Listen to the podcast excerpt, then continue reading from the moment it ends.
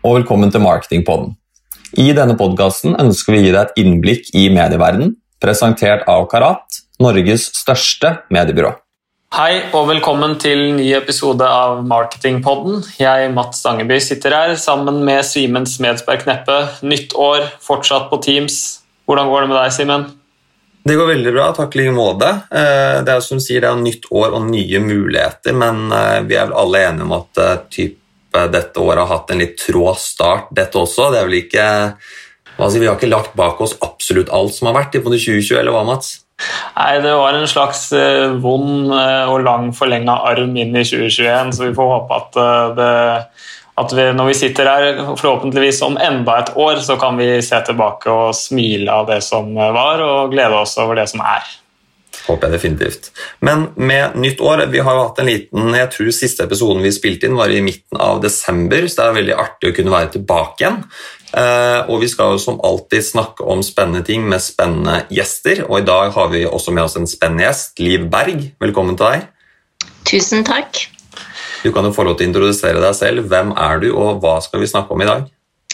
Eh, jeg heter jo da Liv Berg og jobber i Karat sammen med dere. Eh, jeg jobber som strategidirektør og strategisk rådgiver på forskjellige kunder.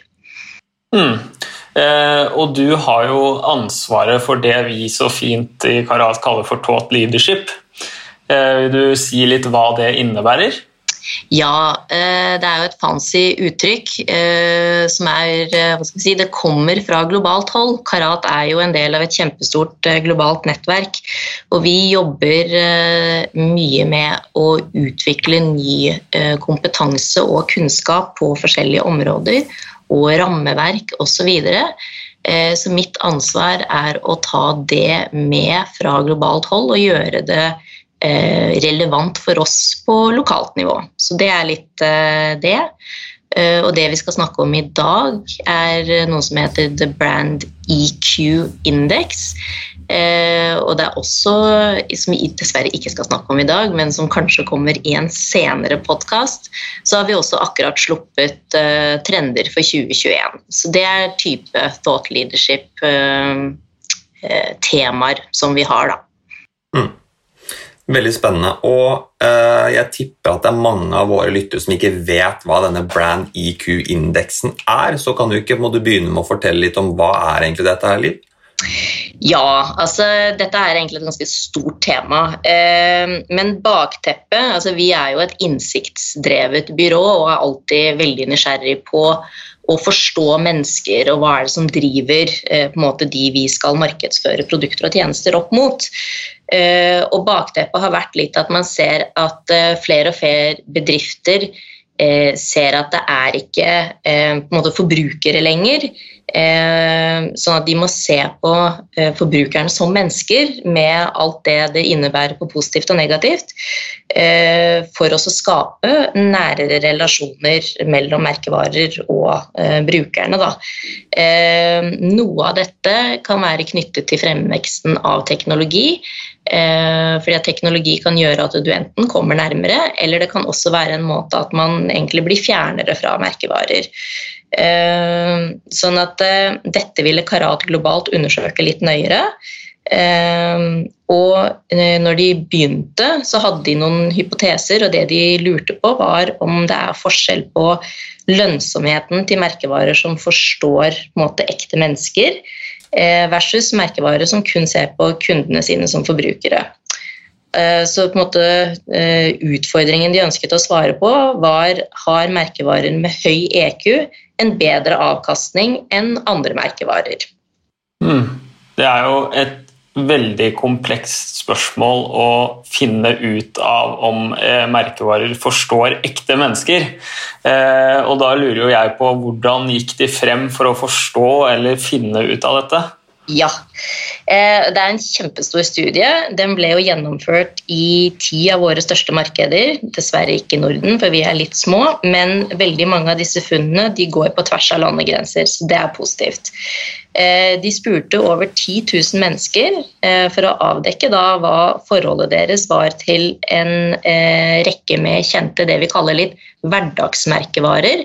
For det var viktig at disse merkevarene kunne være på tvers av landegrenser, sånn at da måtte det være ikke sånne litt rare nisjemerkevarer, men noe som alle har eh, et forhold til. Noen av disse er kunder av oss i dag, eh, og det ble spurt på over da, 50 forskjellige typer merkevarer innenfor fem sektorer, som var bil, teknologi, mat og drikke, bank og finans og retail. Og da er jo jeg veldig veldig spent. Hva ble egentlig måte, fasiten her? Har faktisk merkevarer EQ? Fikk vi svar på det? Ja, eh, det fikk de. Eh, og merkevarer har EQ. Eh, sånn at det er noe som skiller de som har det vi kaller da høy emosjonell intelligens. Og de som scoret høyest av dem alle, det ble Google, så det var nummer én. Med Microsoft som en sterk nummer to. Eh, og De som gjennomførte studien, de var egentlig ganske overrasket over eh, dette. For de hadde noen hypoteser i forkant om at kanskje ikke eh, teknologiselskapene ville score høyt. Mm. Dette kjenner jeg at jeg skal spørre litt mer om senere. Men først så husker jeg jo fra da jeg studerte, så så jeg et bilde av et isfjell der hvor litt av toppen av isfjellet vises over vann. Der sto det IQ, og så sto det EQ på alt det som vises under vann, som var vel et bilde på at det skjuler seg mye mer enn det man egentlig ser da ved første øyekast, eh, som skulle beskrive EQ. Eh, men hva er egentlig EQ i dine ord, Liv? det er et veldig godt spørsmål. Jeg vet ikke om dette bare er mine ord. Eh, dette er nok lånt eh, litt fra teorien også. Eh, altså, som jeg nevnte, EQ står jo for emosjonell intelligens. Og konseptet som sådan, eller ter terminologien, den ble gjort kjent av en amerikaner. Det er jo veldig ofte amerikanerne som har gått dypt inn i dette. Han heter David Goldman, og han begynte å forske på dette på 90-tallet. Eh, fordi da var jo ledelseslitteraturen basert på veldig, og veldig mye annet, egentlig, basert på at de med høy IQ er de som eh, gjør det best i alt på en måte i livet. Eh, og det syns han var litt snevert. Så han rota litt rundt i annen forskning og fant noe fra 60-tallet på at empati er veldig viktig i tillegg til den klassiske IQ. Eh, sånn at Da utviklet han dette videre eh, og publiserte det, eh, måte funnene hans i boken 'Emotional Intelligence Why It Can Matter More Than IQ'. Og det ble en veldig populær bok da, som sagt på 90-tallet, og mye av de funnene det ble integrert inn i ledelseslitteraturen på den tiden. Mm. og det er jo de som sier at det her er noe som ble typ, utforsket for både mennesker, i tillegg til både IQ, som de fleste av oss måtte vet hva er. Men hvordan kan vi bruke måte, EQ på merkevare, altså ikke på mennesker, men på merkevare? Hvordan, altså, hvordan, vil det kunne fungere? Ja, og det er et godt spørsmål, og det er jo det denne studien eh, eh, har på en måte tatt inn. da. Eh, så eh, det han refererer til i sin bok, er at eh, det er fem deler av emosjonell intelligens. Det er ikke bare empati. I tillegg så er det det som heter selvbevissthet eller selvinnsikt. Motivasjon, sosiale egenskaper og selvkontroll. Og så har Karat gjort dette om til beskrivelser eh, som, eh, altså på merkevarer. Eh, sånn at det med selvinnsikt det handler om selvsikkerhet, eh, så at denne merkevaren vet hva den står for. Selvregulering eller selvkontroll det handler om at du er til å stole på, sånn at denne merkevaren oppfører seg på en ærlig måte og har integritet. Motivasjon det handler om driv og initiativ. Eh, så da er det denne merkevaren prøver hardt for å gi en god opplevelse. Eh, empati det er jo dette som handler om å forstå andre. Så denne merkevaren forstår meg og mine behov. Og så til slutt sosiale egenskaper, som handler om eh, ledelse eller å vise vei. Så merkevaren kommuniserer klart og tydelig. Mm. En komplett pakke der, altså. Eh, og Du sa tidligere at fasiten var at merkevarer har EQ. Men betyr det egentlig noe for lønnsomheten? Ja, og det er jo dette som er liksom, eh, hva skal vi si, gullet, eh, hvis man kan si det. da. Eh, når du får noen tall på det hele. Eh, sånn at eh, de har jo da gått inn og sammenlignet de merkevarene som var topp ti på listen eh, i henhold til rankingen, eh, ut ifra hva alle forbrukerne svarte. Eh, og når du går inn og ser på aksjekursen deres eh, og utviklingen de siste ti årene opp mot viktige aksjekurser, sånn som SMP 500 og Dow Jones, så ser de at eh, de har hatt en vekstrate på mer enn 682% mer enn disse indeksene. Eh, og så ser man også at de neste ti eh, plassene, altså fra 10 til 20, eh, har også en mye høyere avkastning enn indeksene.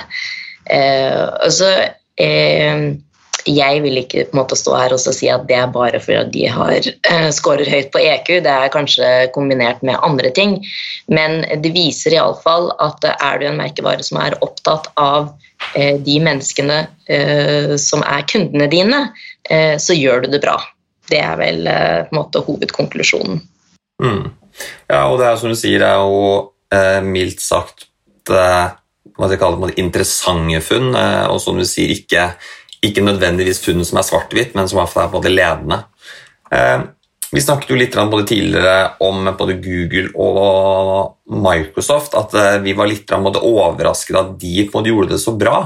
Eh, eh, typ altså, typ hvorfor var det knytta skeptis til akkurat det? Jo, altså, fordi eh, etter måte digitalisering og at det har kommet så mange forskjellige store eh, teknologiselskaper, eh, så har det vært en del kritikk eh, av forskjellige måte, faglige eksperter på at eh, disse gigantene er sånn ansiktsløse ja, giganter, da, eller monstre, på en måte, som bare er ute etter å misbruke eller bruke deg.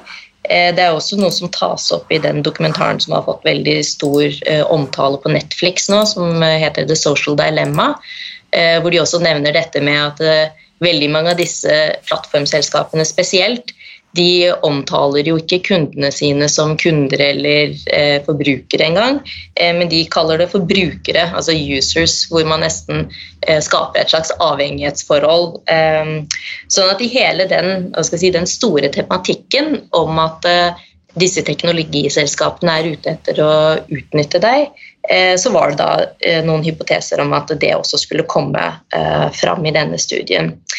Men da, som sagt, hvis du da er et teknologiselskap som er, opptatt av dette med selvregulering eller selvkontroll, sånn at du skaper tillit og er til å stole på og har ærlighet og integritet, da scorer man allikevel veldig høyt. Og nesten da har et tettere forhold Eh, til eh, kundene sine eh, enn andre mer klassiske selskaper. Og, men dette er jo ikke alle tech-selskapene, fordi det er en del tech-selskaper som da ikke er gode på EQ. Og et av de mest kjente, sånn som Facebook, og også Uber, selv om de ikke er utbredt i Norge, er de som er de minst emosjonelt intelligente merkevarene. Eh, og deres dårlige resultater det er hovedsakelig pga. at eh, forbrukerne mangler tillit. Så kun 40% av respondentene tror at Facebook oppfører seg med integritet og ærlighet, og for Uber så er det så lavt som 37 og Noe av dette er nok knyttet til de store skandalene, eh, som Facebook eh, f.eks. med Cambridge Analytica og Uber med måten de har eh, oppført seg mot sine egne ansatte. Eh, og, eh, så det er litt på teknologi. Mens eh, den mest si, kategorien eller av disse sektorene som studien går gjennom, så er det retail som er den kategorien som er mest emosjonelt intelligent, hvis man kan kalle det det. Og sånn som Adidas, Nike og Amazon er alle i topp plassering. Ja.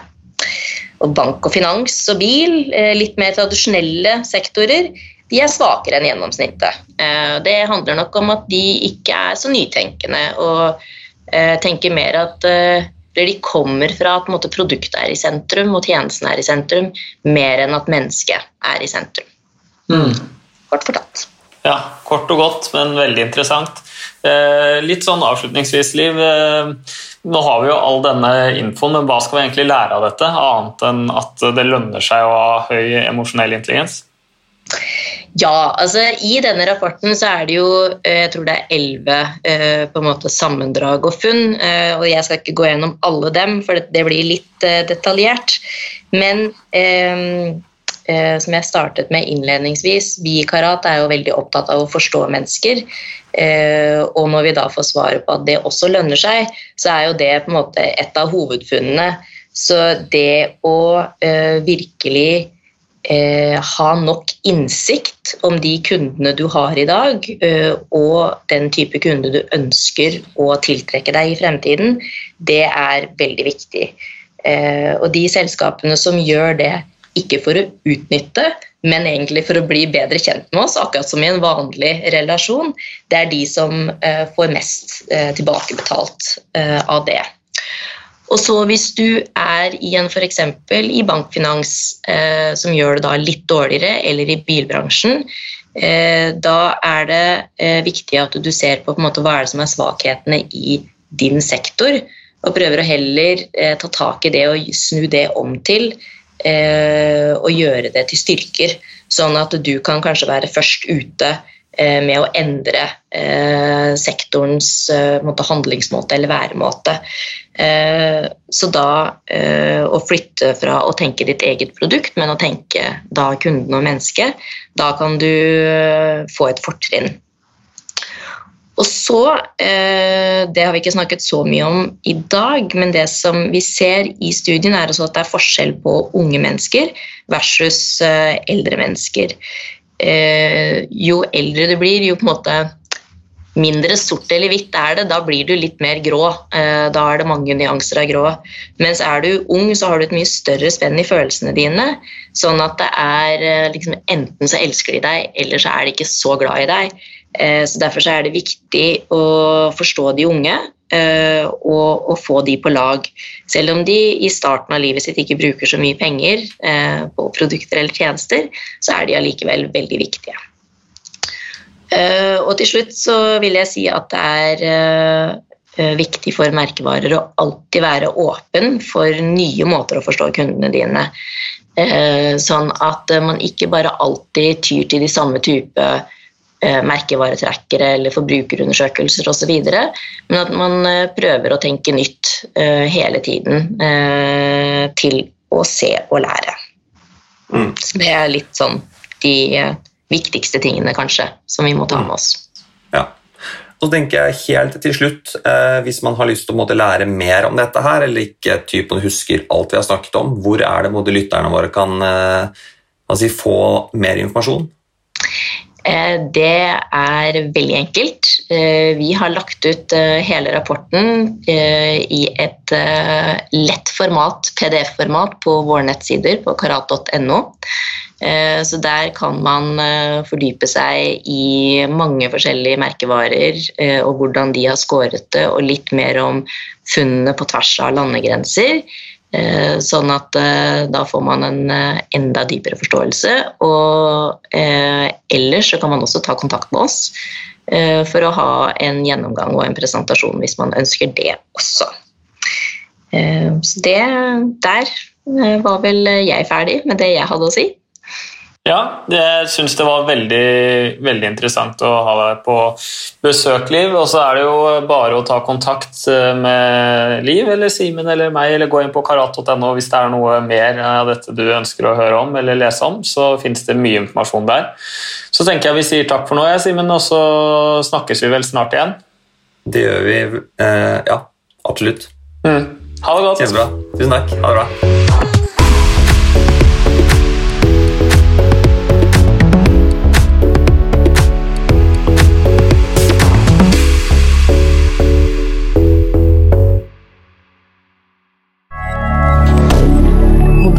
rien.